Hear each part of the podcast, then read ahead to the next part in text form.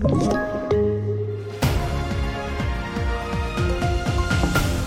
TV4-nyheterna börjar med att USA nu följer EU och flera andra länder och stänger sitt luftrum för ryska flyg. Det meddelade USAs president Joe Biden i sitt årliga tal till nationen i natt där han kallade Rysslands president Vladimir Putin för diktator.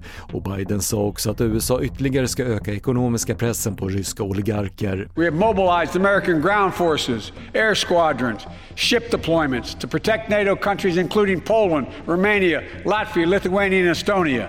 And as I've made crystal clear, the United States and our allies will defend every inch of territory that is NATO territory with the full force of our collective power.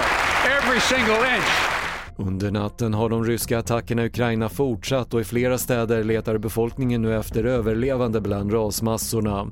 De ryska styrkorna ska ha trappat upp sina angrepp mot tätbebyggda områden och det kommer rapporter om lägenhetskomplex som skadats. Och Rögle vann igår finalen i Champions Hockey League mot finska Tappara med 2-1. Daniel Saar blev stor matchhjälte med sina två mål när Ängelholmslaget tog hem sin första titel i klubbens historia. Fler nyheter hittar du på TV4.se. Jag heter Patrik Lindström.